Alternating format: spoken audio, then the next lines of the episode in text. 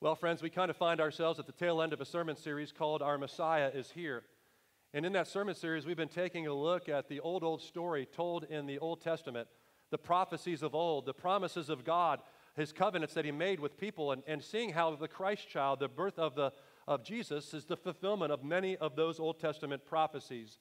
And so we find ourselves here at Christmas time celebrating God born in the flesh and realizing and knowing that our Messiah has come. The, you know, the Holy One that has been promised long ago has been delivered to God's people to make a way when there was no way, to offer a path to salvation, and to be a light in the midst of the darkness. And this practice of anticipating the coming of the Christ child in the season of Advent, these four Sundays that lead up to Christmas, is practice for us to be ready for Christ to return again. And this is the hope that we have. We find ourselves at Christmas, in between promises fulfilled and promises yet to be fulfilled. This is the good news, friends. It's the good news that brings great joy. It's the very purpose of Christmas. It's why you've been hanging Christmas lights and sending out Christmas cards and gathering the family together and putting gifts under the tree because we're celebrating the greatest gift of all time. The Messiah, the Savior, the deliverer is here who is Christ the Lord. Now, his name is Jesus, friends. And Jesus was coming as a light into the dark. That's one of his purposes, one of his callings. In Isaiah chapter 9, one of the promises that we have. The Bible says, The people walking in darkness have seen a great light, and those living in the land of deep darkness, a light has dawned. You have enlarged the nation and increased their joy. So, friends, let's just acknowledge this right now. The Bible talks about and prophesies about a land of darkness, not just any land of darkness, but a land of deep darkness. And in that light, not, that darkness, a light has dawned. Friends, we live in a dark world. I don't know if you've noticed this or not. We live in a deeply dark and broken world, and all it does is take about five seconds on social media or on, on your latest news feed or to watch the latest headlines, and you see what people are capable of doing to themselves and doing to other people. Friends, this is a broken and a dark world. Now, if you live in the dark long enough, it will deteriorate your life and it will destroy you. Depression sets in, despair, destruction. Friends, things die in the dark, except for, well, bacteria and mold. Now, I, I know that bacteria and mold, uh, uh, you know, uh, they survive in the dark.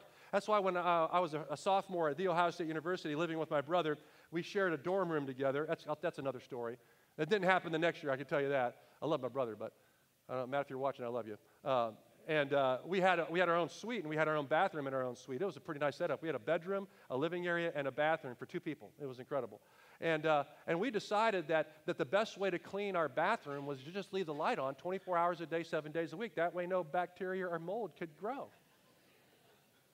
And you want to know what? By the end of the year, we hadn't scrubbed a thing in there. It was great.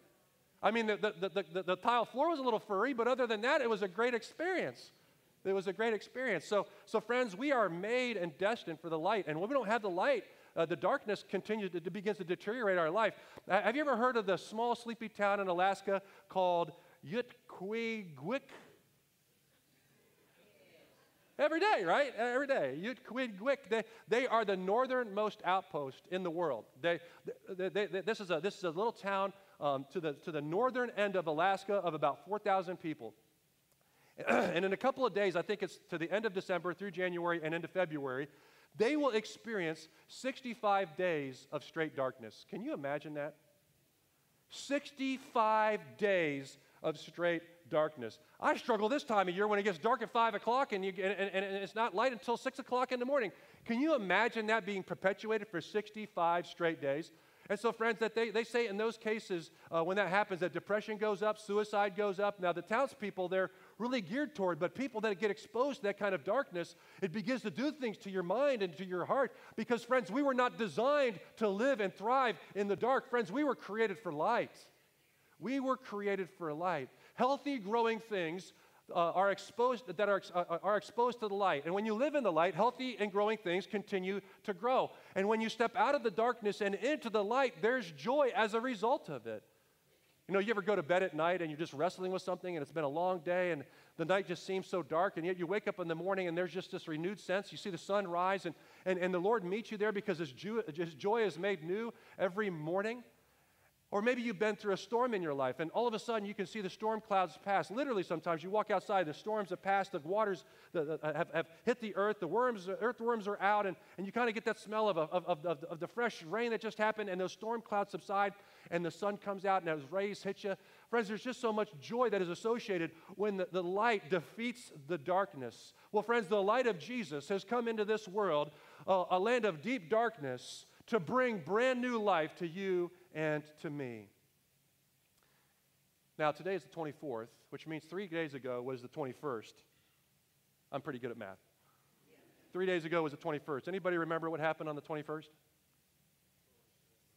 It's winter solstice, right? It's, it's not only the shortest daylight day of the year, but that means it's also the longest night of the year. Now, that was the bad news, friends. I'm here to tell you the good news. It only gets brighter from here. It only gets brighter from here. And when you know Jesus Christ, the light of the world, no matter what dark days you have, it only gets brighter from here. Because if it don't get bright here on earth, it's going to get bright someday when he comes back and rescues you and take you up into heaven to live with eternity, live with him for eternity in heaven. So, friends, Jesus is our light. He is the answer to the fulfillment of Isaiah chapter 9, verses 2 to 3. In John chapter 1, verse 4, John writes about that in the Bible. In him was life, and that life was the light of all mankind. The light shines in the darkness, and the darkness has not overcome it. Life and light are associated together. And it is the birth of the Messiah, who is the light that came into this world, to overcome our greatest and most dark moments. And he made the darkness bow, and he made the darkness flee. You see, friends, light, no matter how small, defeats the darkness. This is why when you're in the movie theater, right? And, and, and they say, well, no, no, number one, uh, turn off your cell phone because we don't want you talking on your phone. Who talks on their phone in the middle of a movie, right? Uh, I mean, that's, everybody understands that. But did you also know you're not supposed to be texting in the middle of a movie or to have your screen on?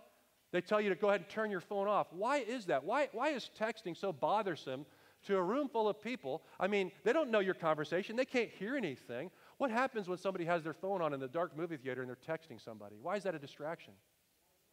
Because the light draws our eyes away from the screen and to that object. Friends, it's amazing how a small screen like that can be so distracting in a large and dark room. That's because the light always prevails over the darkness, always prevails over the darkness, friends. And we need to be reminded of that, that Jesus, who is the light, the light of the world, fulfills the promise that God's light was going to shine in the midst of the darkness and expose all things. That's what light does. Light exposes things that were once in the dark. And, and, and for us and our souls, it exposes the lies, it exposes our sin, it exposes the darkness that covers over our lives and shows us the way. It shows us the way and reveals true paths, that the true path that God has for us, and it leads us to brand new life, friends. So this is the Christ child the Christ child, whose light shines on us and warms our hearts to brand new purposes to where we feel brand new and alive in our life because, well, life and light are associated when it comes to God. He is the light of life. Now, see, not only did Jesus come as the light in the dark, but Jesus always also came fully God and fully human. You say, well, Pastor John, yeah, I, I know that. And and maybe you grew up going to Sunday school or you went to vacation Bible school, and, and the idea that Jesus came as fully God and fully human is something that you've heard over and over again. But, friends, let us not pass by this Christmas without just for a moment pausing and realizing all over again how astounding that is. And I want to encourage you, maybe in this moment, to just realize that again, maybe for like it's the very first time, is that God came in flesh, fully God and fully human because God is that good and that amazing. That's what we celebrate in the birth of our Messiah, that the light has come into the world and he overcame and made the darkness flee. But at the same time, we read about it in Isaiah chapter 9, verse 6, where he says, For unto us a child is born, to us a son is given, and the government will be on his shoulders, and he will be called Wonderful Counselor, Mighty God, Everlasting Father, Prince of Peace. At the beginning of this verse, Isaiah is prophesying that the Messiah, the deliverer of the world, will be human, will come in all the frailties and fragilities and vulnerabilities of a baby, God in the flesh, growing up as a child, eventually becoming a teenager, and then growing into manhood, would experience everything that we could experience as a human. Just Jesus, this Messiah, would, would experience pain and suffering and thirst and know what it is to hunger and know what it is to experience loss and, and to be ridiculed and eventually executed, friends. This is our God. Our God is with us, who is personal and compassionate, born uh, uh, uh, as the Son of God, but also born, the Bible says, as the Son of Man, born unto us, our child, sacrificed for us because he was born to die.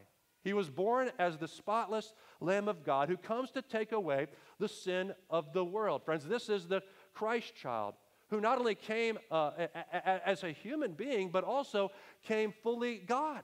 He came fully divine, spotless, without sin, as the third expression of God and displaying all of his glory right before our eyes. You see, Jesus wasn't just conjured up at 2,000 years ago, Jesus has always been. He's always been a part of God's uh, deity. He's always been a part of, of who we understand as God God the Father, God the Son, God the Holy Spirit. He's been there since the very beginning.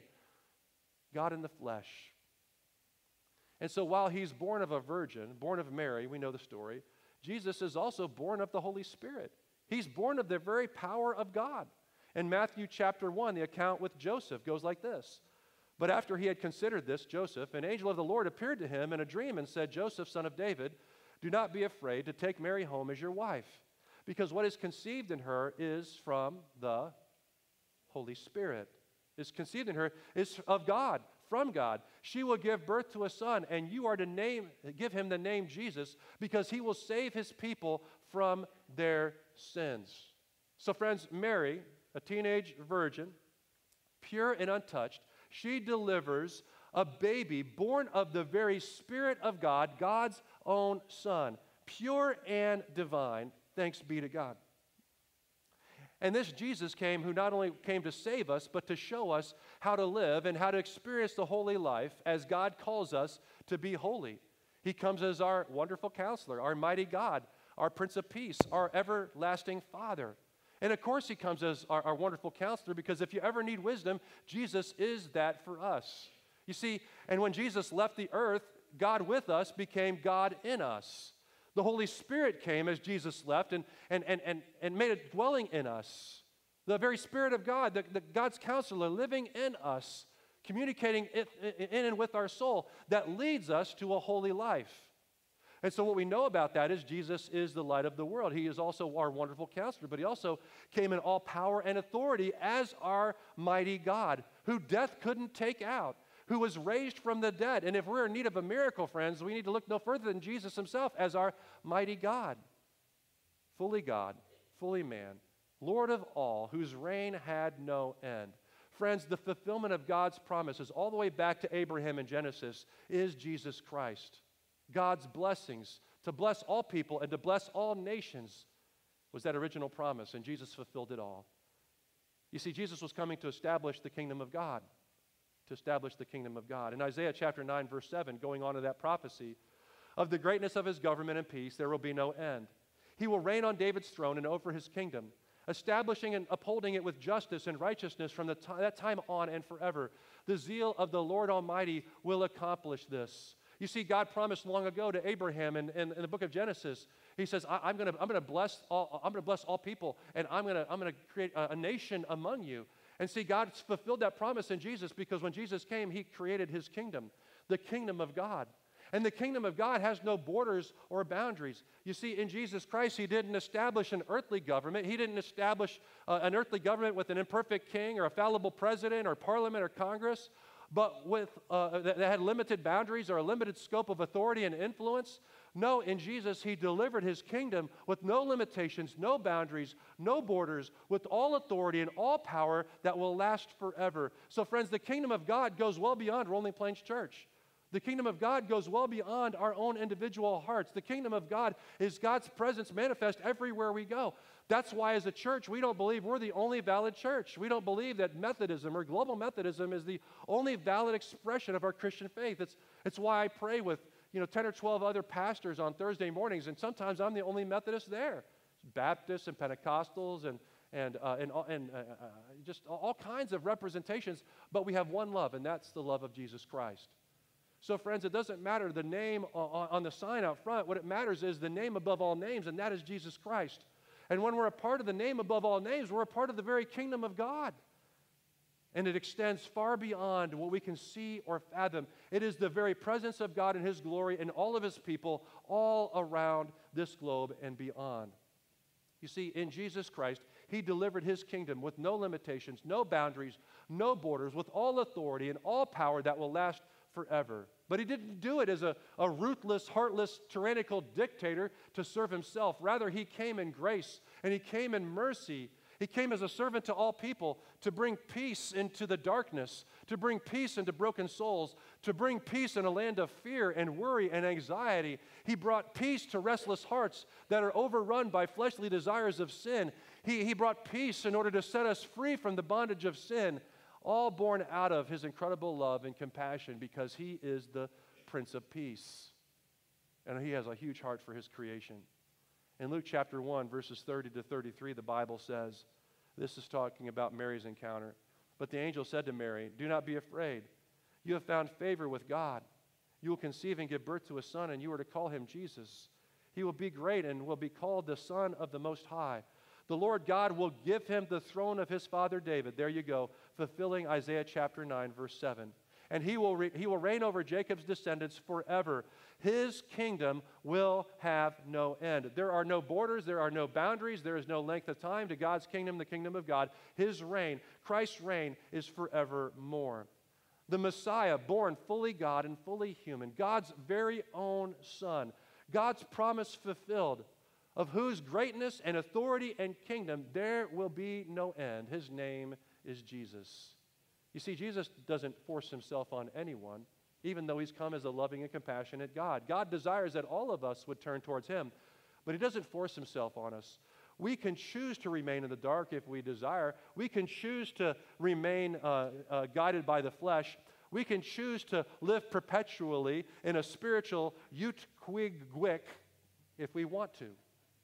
We could, we could live that way every day of our life. We could desire to live in the darkness. But God has not designed you to stay there. He wants to shine His light into your life, and, and He doesn't want you walking down that path of destruction. You see, we can choose the other way, though. We can choose Jesus.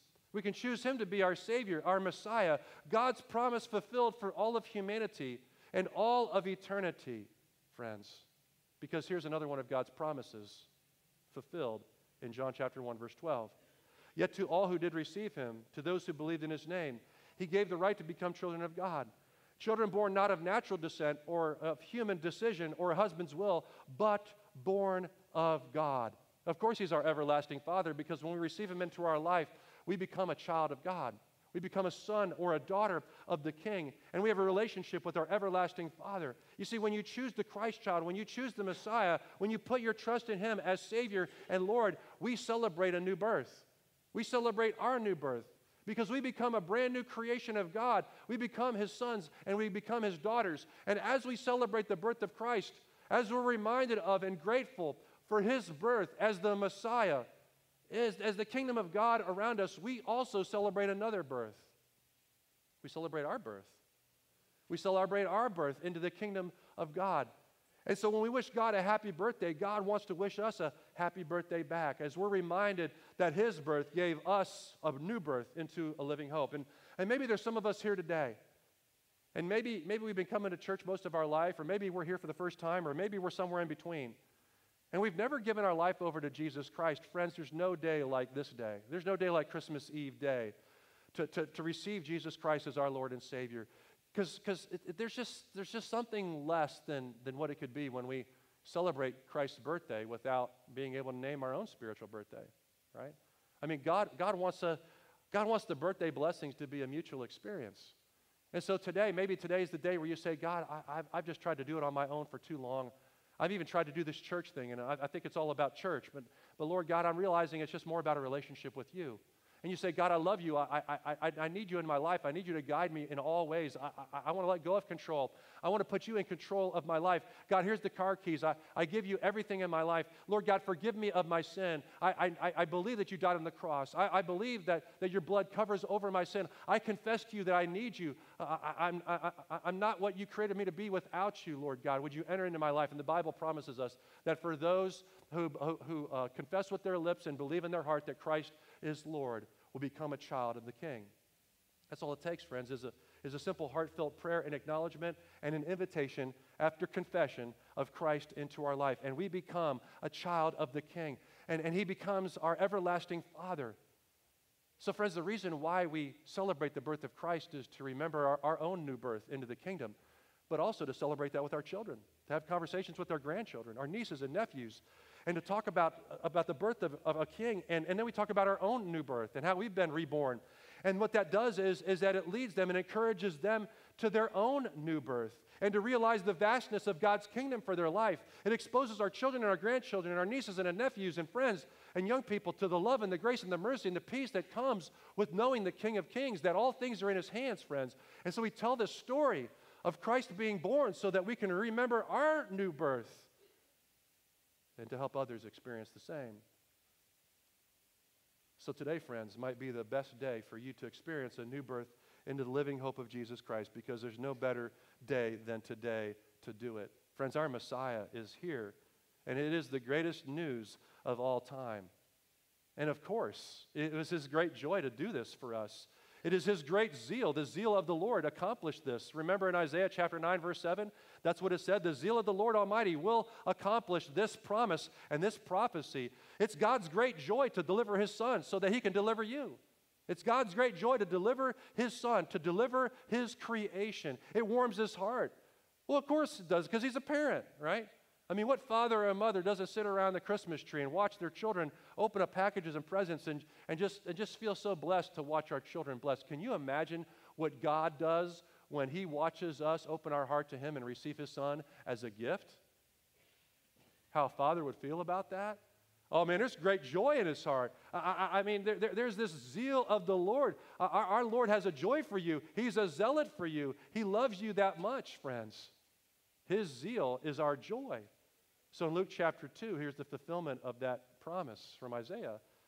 But the angel said to the shepherds, Do not be afraid, I bring you good news that will cause great joy for all the people. Today in the town of David, a Savior has been born to you. He is the Messiah, He is the Lord. This will be a sign to you. You will find a baby wrapped in clothes and lying in a manger.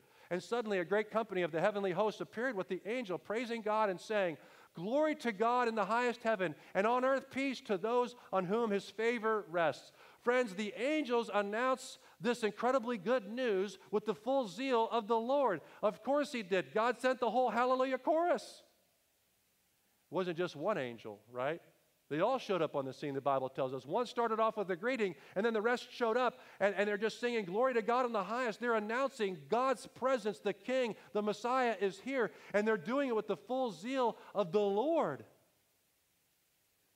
And they give the instructions you know, you're not going to be looking for a ruler in a palace or a mighty warrior on horseback.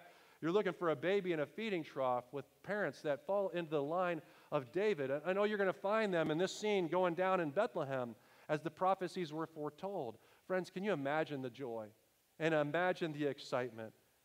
After waiting more than 700 years of that prophecy of the Messiah coming, and, and more than a, a millennium for the original promise covenant promise uh, out of the book of Genesis. I mean, the excitement that this ancient promise has finally come on this night, finally fulfilled, had to be absolutely amazing. Well, friends, it's God's zeal, it's God's joy to make it happen. And I'm here to tell you that God's joy is transferable. Have you ever experienced that? I hope you have. That the joy of the Lord can be our strength too, that His joy can be transferable into our own life.